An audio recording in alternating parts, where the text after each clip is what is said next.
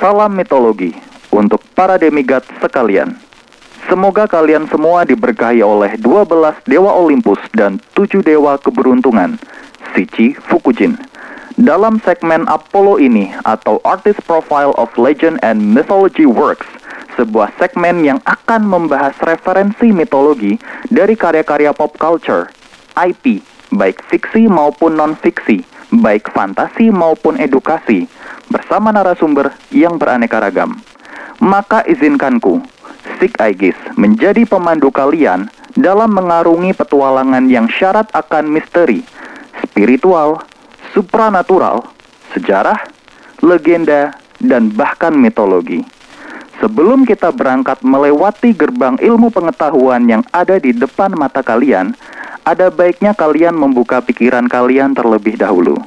Dan selamat datang di semesta Sig Network Mythology.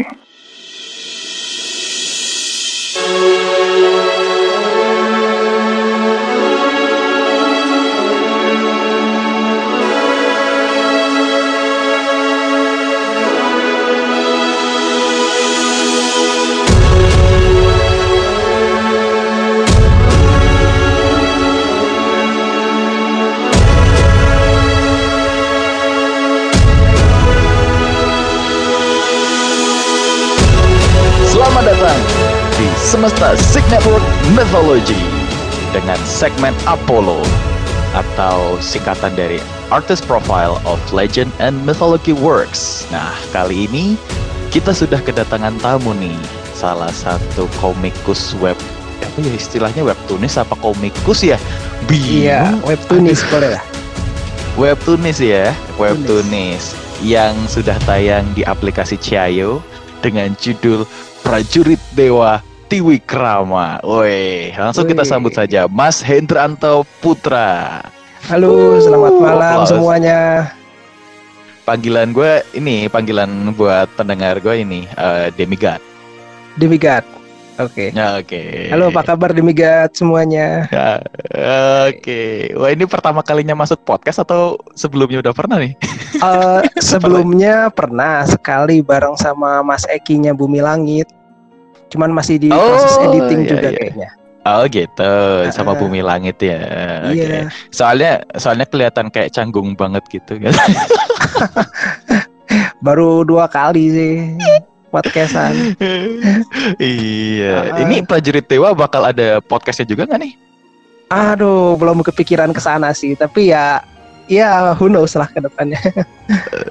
iya. So- soalnya ini eh, baru dapat info kan di PlayStation katanya The Last of Us bakal ada podcastnya. Ah, oke. Game game The Last of Us gitu. Jadi- Iya. Dan kemarin juga banyak juga sih kayak Marvel juga bikin podcast khusus buat cerita Wolverine dan lain sebagainya. Emang kayaknya lagi booming banget sih podcast. Hmm, Iya, tapi kita hari ini tidak akan membahas Menarik, podcast. menarik. Kita hari ini bakal bahas eh, karyanya Mas Hendranto nih yang judulnya Prajurit Dewa Tiwikrama. Boleh dicerit eh, Prajurit Dewa Tiwikrama itu tentang apa tuh? Sih, tapi eh, sejauh ini yang gua tahu eh, Prajurit Dewa Tiwikrama itu adalah sebuah webtoon eh, yang tayang di Ciayo dengan tema ah, kalau bisa dibilang Ramayana mix Barata Yuda ya? Atau gimana sih Mas? Eh, Coba sebenarnya kalau wayangnya eh, Mahabharata, Barata Yuda ya, nggak ada Ramayananya, Oh nggak ada Ramayananya? nggak ada sih. Oh, Oke, Eh, jadi eh, saya cerita nih langsung ya. boleh boleh Oke. silakan. Ya, jadi eh, komik saya tuh eh, karya saya yang judulnya Prajurit Dewa Tiwikrama itu konsepnya cerita cerita fantasi. Jadi kalau dibilang cerita pewayangan, pewayangan tapi sebagai sebatas universe. Saya pakai wayang buat universe dan karakter-karakternya, tapi inti ceritanya lebih ke agak tokusatsu sebenarnya. Jadi di mana ketika eh, dunia dunia wayang yang ada di cerita Mahabharata harus berhadapan dengan kebangkitan se sebuah atau seekor ya seorang raja iblis raja iblis yang dikurung di bumi dan untuk mencegah rencana kebangkitannya dewa itu sudah mengirimkan delapan delapan makhluk, delapan guardian yang ada di di pelosok buminya itu untuk dibangkitkan untuk mencegah rencana uh, pembangkitan si raja setan itu gitu. Kurang lebih itu sih inti ceritanya. Emang eh, sedari pas waktu saya baca waktu itu emang gila ini emang konsepnya sih ya kalau menurut saya pribadi ya kayaknya sih ini lebih kayak Sensei ya kalau boleh di, di- Ah. Iya ya, agak mirip sih. iya soalnya ada konsep armor itu kan walaupun pas waktu berubah Henshin Kamen Rider banget sih Ya. Iya, jadi kalau armor emang banyak sekali yang bilang mirip Sensei ya mungkin karena apa ya? Karena kan pakai armor dan kadang tuh ah, masih nggak full face gitu. Jadi kalau bagian di desainnya tuh bagian matanya kelihatan. Kalau Sensei ya kan masih sampai mulut ya kelihatan. Kalau saya sampai mata iya aja. betul Mm-mm. Cuman eh, sebenarnya konsep Hmm. saya pas bikin ceritanya nggak nggak kepikiran sensei iya sebenarnya sih lebih ke ini Metal Heroes Karas. Jadi ada anime Karas dulu saya nonton. Itu tuh kalau nggak Oh. salah Karas tuh yang ini ya apa studionya apa yang bikin Garo juga ya kalau nggak salah. oh iya Garo Garo tahu ya Garo, iya. apa Taikishi Iya Metal Heroes gitu deh pokoknya genrenya. oh Ka- eh, jadi sekitar tahun 2008-an gitu. Saya tuh masih konsep prajurit dewa tapi belum belum ke arah yang sekarang gitu. Baru nge-redesign karakter wayang, karakter wayangnya aja gitu. Terus kemudian nonton Karas gitu. Saya pikir, "Ih, keren banget gitu. Ada apa orang bisa henshin dengan konsep armornya yang menarik gitu. Kan dia ngambilnya dari dari gagak eh, mitologi yang di Jepang juga gitu. Saya pikir, "Oh, keren nih kalau misalnya konsepnya wayang gitu." Saya pikir. Ya udah gitu. Waktu sih cuma bikin si Garudanya aja si Mandala tokoh utamanya. Kan namanya Mandala di situ. Dia armornya Garuda. Saya bikin tuh. Terus ya udah gitu cuman satu aja. Nah pas si si komik saya mau masuk ke platform Ciayo CEO-nya yang lihat desainnya tuh kok ngerasa ini kenapa nggak dibikin semuanya aja kayak gini karakternya? Wah saya jadi kepikiran ya udah gitu berarti saya bikin cerita baru konsep baru lagi cuman ma- akhirnya wayang yang saya bikin di awal itu asalnya kan saya cuman redesign redesign ya udah jadiin apa itu figuran sebenarnya bukan figuran sih supportive karakter lah kayak gitulah Oh, I see. Jadi semua kan karena gini, eh, saya pernah eh, pernah lihat fan artnya atau fan artnya gitulah. Soalnya saya belum pernah baca yang versi awalnya kan. Ka- versi awalnya belum pernah baca. Dan waktu itu kata si Sweat emang udah sempet tayang apa ya yang versi awalnya itu ah sama iya iya sama koloni atau MNC ya waktu itu lupa lagi. bener koloni koloni Betul kan. Nah, yang versi awalnya saya belum pernah baca. Nah, terus tiba-tiba disuguhkan yang versi Tiwi Keramanya kan. Yang versi Tiwi Keramanya Tiwi Keramanya ini Ah. eh, pas waktu pertama kali lihat sih sebenarnya mungkin banyak orang langsung bilang oh ini sensei ya gitu. Tapi kalau mendalami ceritanya kan kebetulan saya juga ngikutin ya dari season 1 sampai season yang terakhir kemarin. eh ini sangat-sangat sangat-sangat cerita perwayangan sekali sih. Jadi tidak ada unsur-unsur kayak mirip Sensei yang eh, ibarat kata kalau Sensei itu lebih fokusnya adalah close kan. Eh, Permasalahannya itu ada di close gitu. iya Sementara kalau ini permasalahannya bukan di close tapi permasalahannya justru di prajuritnya kan namanya prajurit dewa. iya betul betul Itu tanya ke situ kan berarti. Eh, ya. Iya. halo, halo. Halo, dengar? Eh, Halo? sorry tadi agak-agak blank boleh diulang eh, pertanyaannya Iya, enggak sih sebenarnya tadi cuma nge-brief aja. Jadi kayak eh, konsep dasarnya sih sebenarnya kalau orang lihat kan pasti akan bilang ini mirip Sensei ya kan. Cuma kalau yang yang saya lihat ini sebenarnya cerita wayang banget. Konflik utamanya kan ada di prajuritnya itu. Kalau Sensei kan konflik utamanya ada di close, close-nya kan ada di Iya, iya. armor gitu. Kalau ini kan konf- eh, konfliknya bukan di armor justru tapi eh, justru berusaha untuk menyegel si siapa sih nama musuhnya Raja itu? Sura Raja Sura itu Iya. iya itu Iya, jadi eh, kalau ceritanya itu intinya memang kayak akar permasalahannya tuh pertarungan dewa sama iblis. Jadi dari dari dulu tuh setan iri gitu sama bangsa Batara. Batara tuh istilah buat dewa gitu. Jadi mereka tuh pengen nunjukin bahwa yang paling ber, paling powerful itu bangsa Asura gitu, atau bangsa iblis. Mereka mau merobohkan kekuasaannya si dewa gitu. Tapi ketika pas perang besar itu terjadi, dewanya akhirnya uh, punya senjata rahasia. Mereka nyiptain delapan guardian itulah saya istilahnya pakainya Fahana. Nah, ketika hmm. mereka kalah itu si pemimpin mereka tuh justru nggak bisa mereka kalahin. Saking terlalu kuatnya bahkan ketika senjata rahasia dewa keluar pun pemimpinnya nggak bisa kalah. Akhirnya bukannya dialih-alih dimatikan, dikurung, dikurung, disegel di tempat yang jauh dari surga, dari kayangan gitu. Akhirnya ke bumi lah. Jadi konflik akarnya itu adalah pertarungan dari dewa yang apa diserang sama Asura. Tapi ketika si raja turun ke bumi, nah di situlah masalahnya ber, ber, bermulai ketika mereka apa mengirim dewa eh, ah, Raja Sura Raja Suranya ke bumi.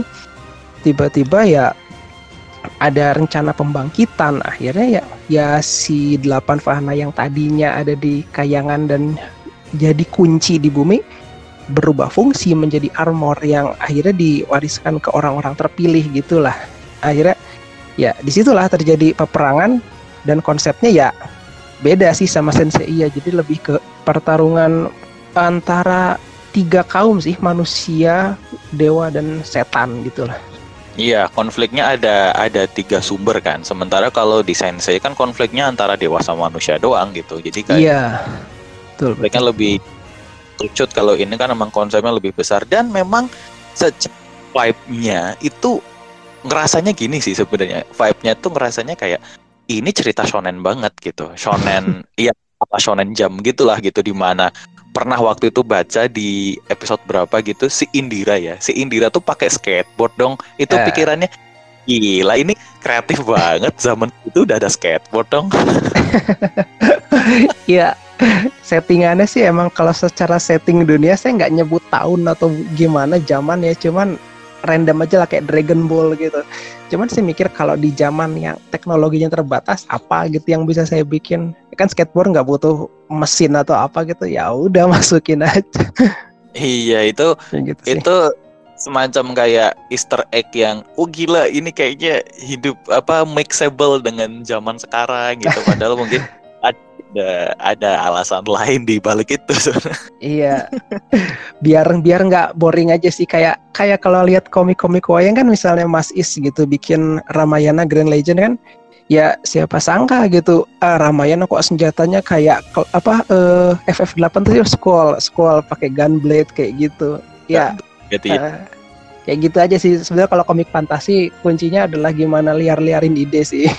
iya sih bener ya. Uh. Dan uh, memang ada pergeseran konsep dari yang uh, pertama kali tayang di koloni dengan versi yang Ciayo ini. Yeah. Iya. Uh, tapi mengubah konsep keseluruhan nggak dari ceritanya? Maksudnya uh, misalkan kayak uh, awalnya itu sebenarnya bukan Henshin tapi setelah ini nah itu sebenarnya pengubahannya itu uh, mas mengubah cerita nggak pengubahan itu gitu? Uh, ya sebetulnya hampir semua saya rubah. Karena dulu tuh saya belum menemu core cerita yang yang greget banget gitu. Inti permasalahannya tuh cuman remeh gitu. Dulu tuh kayak sekedar gini loh settingnya kalau yang lama itu adalah dunia. Semua dunia itu ada di bawah tanah. Manusia tidak tahu dunia di atas tanah gitu. Jadi mereka itu hanya me, apa mencari dan memonopoli sumber dayanya adalah cahaya kayak kristal gitu. Dan dari situ lahirnya nanti akarnya eh akarnya dari situ nanti bercabang ke politik politik antara Asu, Astina dan Amarta. Itu Kurawa sama Pandawa. Nah akhirnya di tengah konflik politik ada pihak yang kayak ngirim apa ya tim agen rahasia buat saling serang gitu. Nah dari yang kubu Amarta itu timnya prajurit dewa. Dulu tuh prajurit dewa bukan istilah armored heroes tapi kayak lebih ke apa ya tim tim assassin gitu loh. Jadi isinya delapan orang. Ada ada yoganya kayak yang sekarang ada dinar mirip-mirip semua lah. Cuman konsepnya nggak nggak ada yang bisa berubah. Kayak ada sih cuman si Mandala waktu itu saya bikin di yang versi koloni tapi sisanya nggak nggak pakai armor armor gitu sih. Oh justru seperti dia ada ada ada customisasi dari konsep awal menjadi yang konsep Iya, berarti kan emang ada customisasi dari yang konsep awal ke konsep yang sekarang tayang di Ciayo kan berarti. Halo, halo. Iya, halo, dengar nggak? Agak putus lagi Ah. tadi barusan. Iya. Sepertinya jaringan agak kurang bersahabat kali. Nggak Tapi- tahu yang mana. tapi, tapi ini udah dengar kan ya? Ini udah dengar kan? Ya udah ini udah udah lancar. Oke. Nah, referensi dasar dari cerita prajurit dewa ini eh, kalau boleh dibilang adalah Mahabharata, Barata Yuda, atau ada yang lain dari selain dua ini gitu. Gimana referensinya? Ah, referensinya kan kira-kira eh, referensi mitologinya apakah Ramayana saja atau Barata Yuda atau Mahabharata atau gimana? Eh, kok Ramayana, Ah, Mahabharata, Barata Yuda gitu. sepertinya koneksinya masih belum bisa diandalkan ya. Iya, Ah, nah ini udah udah mendingan udah mendingan. Oke, iya, iya. iya. eh, lanjut lagi deh. Eh, soal referensi berarti ya tadi ya terakhir. Mm, Iya betul. Kalau saya pribadi eh, referensi sih nggak nggak nggak pakai referensi banget sebenarnya. Ketika dulu kan bertahap saya bikin prajurit dewa tuh dari redesign karakter wayang waktu masih tahun 2008 2009an gitu dah. Itu tuh saya cuman cuman apa ya? Kebanyakan main ini Dynasty Warrior sama Samurai Warriors waktu itu. Jadi ngelihat eh kalau karakter dari Tiongkok dari Jepang bisa diubah total kayak gitu, kenapa yang lokal enggak? Jadi akhirnya dulu cuman ngebayangin konsep dari kostum-kostum Jawa tapi agak di mix and match sama kostum modern. Itu untuk yang eh, apa namanya? karakter-karakter wayang. Tapi ketika udah masuk ke mana namanya? ke yang versi Chiayo ada armor-armornya. Eh, sebenarnya sedikit banyak mungkin gabungin antara Sulato, Senseiya sama sedikit kayak tadi yang karas gitu. Jadi kalau dibilang referensi macam-macam sebenarnya sih. Hmm, tapi kalau referensi mitologi dasarnya, apakah cuma Mahabharata, Ram, eh, Mahabharata Iya. Yuda gitu? Kalau untuk mitologinya dari cerita Mahabharatanya sih saya pakai beberapa acuan sih, tapi yang paling banyak itu acuan dari eh, literatur R.A. Kosasih sih yang saya pakai untuk cerita Mahabharatanya sendiri. Tapi kalau masuk ke yang ranah Ciayo udah pakai 8 fahana ini, itu kan 8 fahana dengan 8 basic kekuatan yang beda-beda. Itu saya udah menggabungkan beberapa sumber dan ya saya kembangin sisanya sih pakai imajinasi aja. Karena kan kayak apa tuh? Ada yang kekuatannya naga ada yang kerbau kayak gitu tuh. Saya cuman cari-cari hewan-hewan eh, mitologi di agama Hindu. Jadi sebetulnya tidak terlalu Indonesia sih tapi melihatnya karena ini konsepnya dari Mahabharata gitu. Kalau nyari yang di Indonesia secara mitos kurang kurang banyak sih. Jadi akhirnya saya cari dari Hindu lumayan banyak bisa saya pakai gitu. Walaupun secara sumber agak susah nyarinya. Kayak yang ada tuh yang karakter cewek eh itunya kekuatannya kin apa kinara yang warna putih, ceweknya yang pakai tudung eh itu Artika. Dia tuh kekuatannya kinara. Saya cari literaturnya memang agak sulit. Saya cuma tahu sebatas bahwa dia itu manusia setengah angsa gitu. Ya udah saya saya hanya ambil basicnya aja, sisanya saya kembangin. Bahkan kekuatannya pun ya umum aja gitu, fantasi dia bisa telekinetik, kayak telepati gitu. Ya itu biar eh, biar unik aja sih.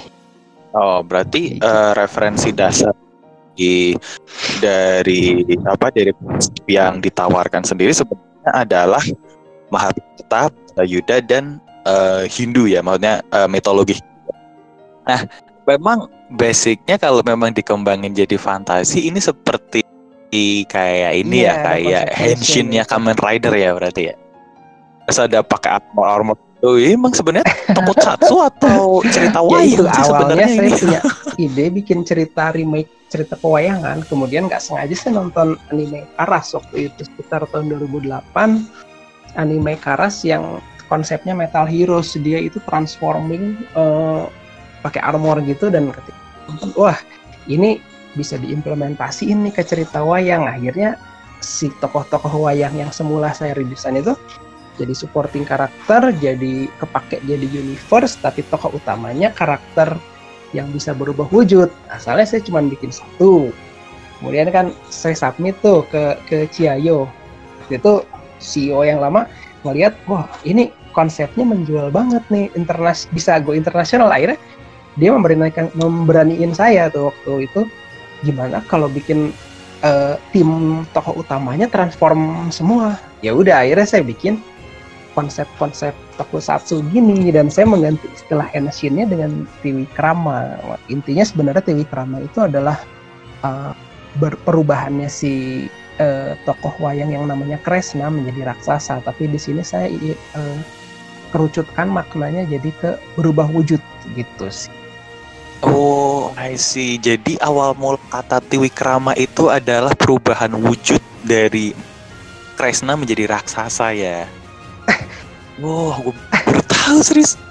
Waduh, ini ini ini ini info info yang sangat menarik iya. ini ini info yang ada sangat itu kalau membaca cerita Mahabharata nah, berarti, ketika apa tuh namanya bisa tahu hal sebelum perang Baratayuda terjadi kan Kresnanya kayak didatangin sama para para Kurawa gitu tapi mereka nggak mencapai kesepakatan untuk berdamai. Mereka kan apa gitu uh, perjanjian untuk kembali ke istananya yang lama tapi ditolak sama Kurawa. Kresnanya jengkel kan habis kesabaran dia berubah gitu jadi raksasa kayak gitu sih.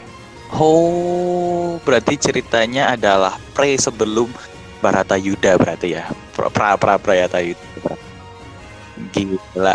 Baru tahu berarti Mas Hendranto sendiri melakukan riset riset ya untuk uh, re, untuk riset atas referensi mitologi atau legenda tersebut yeah. untuk dijadikan karya, betul kan? Uh. Oh, sih.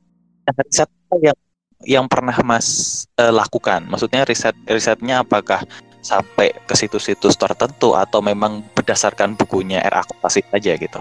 Uh, kalau riset sebenarnya banyak sih kayak uh, yang secara online ya banyak website yang di, dijajal. Cuman mostly sih sebenarnya baca baca bukunya Rakosasi sama novel-novel Pak Vito ya Amri sih sama banyak ngobrol-ngobrol sama teman-teman yang waktu itu juga zaman di Devian Art sama-sama minatnya ke wayang sih. Jadi sedikit banyak ngebuka ngebuka wawasan lah tentang wayang. Jadi tahu mana mana karakter ini patokannya seperti gimana kayak gitu-gitu. Kebetulan juga pernah dapat proyekan waktu itu bikin card game. Card gamenya juga temanya Mahabharata gitu. Tapi saya nggak tahu ya, is waktu itu udah lama banget nggak tahu card gamenya jadi apa enggak. Cuman saya di situ sebagai tim ketika ngerjain dapat apa ya uh, insight dari dari tim di sana kayak gini karakter-karakter wayang akhirnya lumayan lah membuka wawasan. I see. Nah, tapi ngomong ngomong-ngomong soal referensi, tadi Mas nyebutin uh, karyanya Pak Al, uh, almarhum Pak R. Akosasih ya. Uh, yeah. Nah, uh, ini cukup menarik karena menurutku uh, waktu itu sempat ngobrol juga sama Mas Aryo Anindito juga bilang bahwa referensi dasar dari mitologi yang dia pakai itu adalah R. Akosasih. Ah, uh, menurut Mas Hendranto sendiri, kira-kira apa sih yang menarik dari karyanya Pak R. Akosasi ini? Gimana? Men uh, pertanyaan boleh diulang iya, terakhir? Mas Mas Hendranto ini, uh, menurut Mas Hendranto, uh, kenapa karyanya Pak R. Akosasi ini menarik buat jadi Ah, oke. Okay.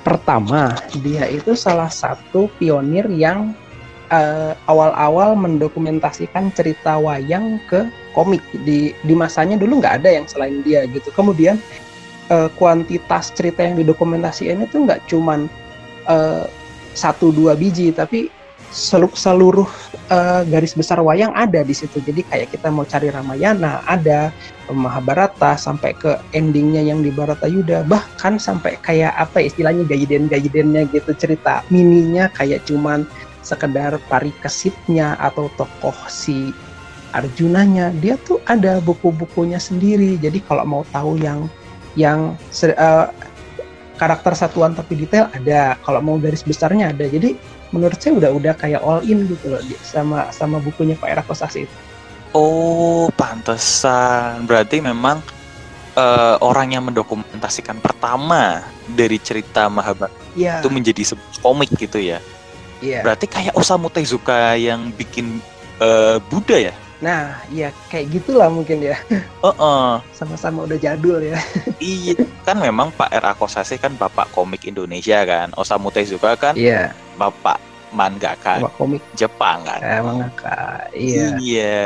Dan memang dua ke- kedua tokoh ini memang hampir-hampir mirip sih ya kalau di dalam ah, dalam dunia perkomikan memang mereka tuh orang yang mati di eh, di Iya. masing-masing gitu kan. Iya.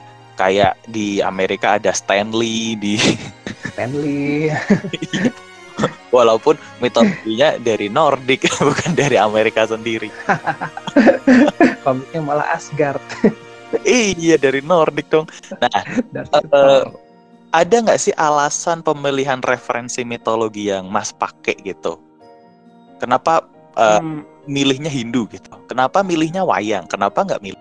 ah, sebenarnya saya basicnya itu kenapa wayang simple sih sebenarnya saya juga nggak mikir kejauhan. Dulu tuh waktu zaman zaman baru selesai kuliah gitu zaman zaman masih senang main game kayak Dynasty Warrior sama Samurai Warriors.